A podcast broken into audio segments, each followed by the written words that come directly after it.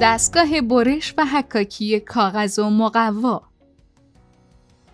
وسایل زیادی در اطرافمان هست که اگر دقت کرده باشید با کاغذ و مقوا ساخته شدند. این وسایل که هم کاربردی هستند و هم دکوری وقتی با کاغذ ساخته می شوند بسیار خلاقانه تر و زیباتر می شوند. از وسایلی که می توان به طور مثال نام برد انواع کارت های دعوت و تبریک، انواع گیفت یا هدایای مراسم و جشنها، انواع دکوری ها و جعبه ها می باشد. شاید بتوان این وسایل را با متریال های دیگری هم ساخت. اما ساخت آنها با کاغذ و در مواردی با مقوا بسیار زیباتر و جذابتر خواهد خلاقیت در زیبایی و جذابیت ساخت وسایل با کاغذ و مقوا بسیار تاثیرگذارتر است. انواع متریال قابل برش و حکاکی. کاغذ در گرماش های 200 تا 700 مقوای اشتنباخ. مقوای فاربریانو. مقوای رنگی. مقوای مخصوص ماکت سازی مقوا در زخامت یک دهم تا 5 میلیمتر. کاربرد دستگاه لیزر کاغذ و مقوا در صنایع مختلف. ساخت انواع کارت تبریک، ولنتاین و غیره. ساخت انواع گیفت و هدایای مراسم عروسی. ساخت دکوری و تزئینات مراسم های تولد و جشن ها ساخت انواع جعبه. ساخت ماکت. انواع بندی ساخت سررسید. ساخت انواع کاردستی. تهیه کاغذ رنگی تولد. ساخت لوستر کاغذی. ساخت کارت ویزیت. ساخت کارت عروسی. ساخت جعبه دستمال.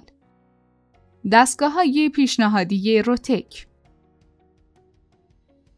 دستگاه برش و حکاکی لیزری کاغذ و مقوا مدل RT 2535 دستگاه برش و حکاکی لیزری کاغذ و مقوا مدل RT 6040 دستگاه برش و حکاکی لیزری کاغذ و مقوا مدل RT 6090 دستگاه برش و حکاکی لیزری کاغذ و مقوا مدل RT 1390 دستگاه برش و حکاکی لیزری کاغذ و مقوا مدل آرتی 1410 چرا باید از دستگاه لیزر برای برش و حکاکی روی کاغذ و مقوا استفاده کرد؟ در گذشته برای برش و طرح دادن به کاغذ و مقوا از قیچی استفاده می شد. استفاده از قیچی علاوه بر اینکه سرعت کار را کند پیش می‌برد ممکن است در کارهایی که نیاز به ظرافت وجود داشت مشکل ایجاد شود بهترین و مناسبترین روش برای برش کاغذ و مقوا دستگاه های برش لیزری می باشند.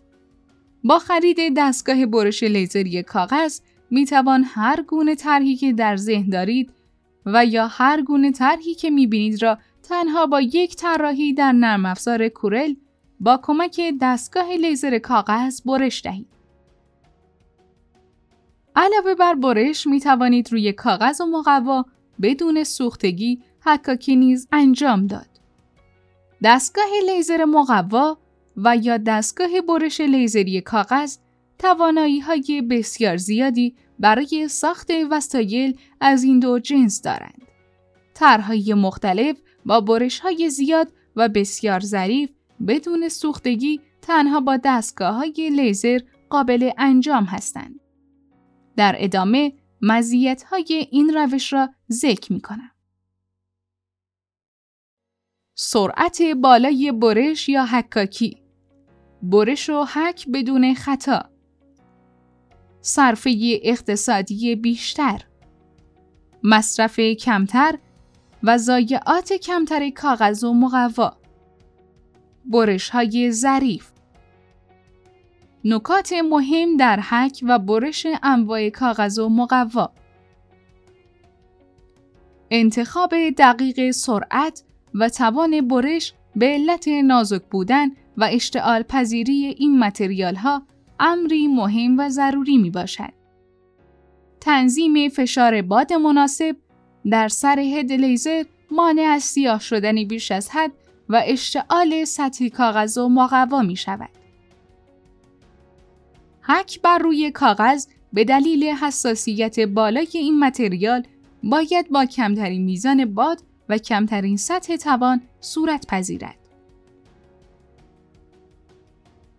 فیکس کردن کاغذ بر روی میز در زمان برش و حکاکی به دلیل عدم جابجایی آن امری مهم و تاثیرگذار می باشد. حکاکی های تیره و روشن روی کاغذ های رنگی قابل انجام است. برای تغییر رنگ از تیره به روشن لازم از خروجی توان خیلی کم باشد و برعکس برای ایجاد حک تیره خروجی توان را خیلی بالا ببرید. برای برش دقیق روی کاغذ باید از لنز یکونیم اینچی استفاده کرد. لنز های کوچکتر برای برش های ظریف مورد نیاز است. در حکاکی طرحهای اسلیمی نیز از لنز یکونیم استفاده می شود. برای حکاکی کاغذ یا مقوا با دستگاه لیزر کاغذ نیاز به میزی دارید که متریال را روی آن حین کار ثابت نگه دارد. به همین دلیل ترکیب میز مناسب و توری برای شما حکاکی بهتر و با کیفیت تری فراهم می کند. رزولوشن به نوع کاربرد کارتان بستگی دارد. اگر شما بخواهید حکاکی معمولی انجام دهید، رزولوشن را روی 500 دپای قرار دهید تا سرعت بالا و کیفیت حکاکی خوبی داشته باشید. برای حکاکی عکس، رزولوشن را بین 250 تا 333 کم کنید.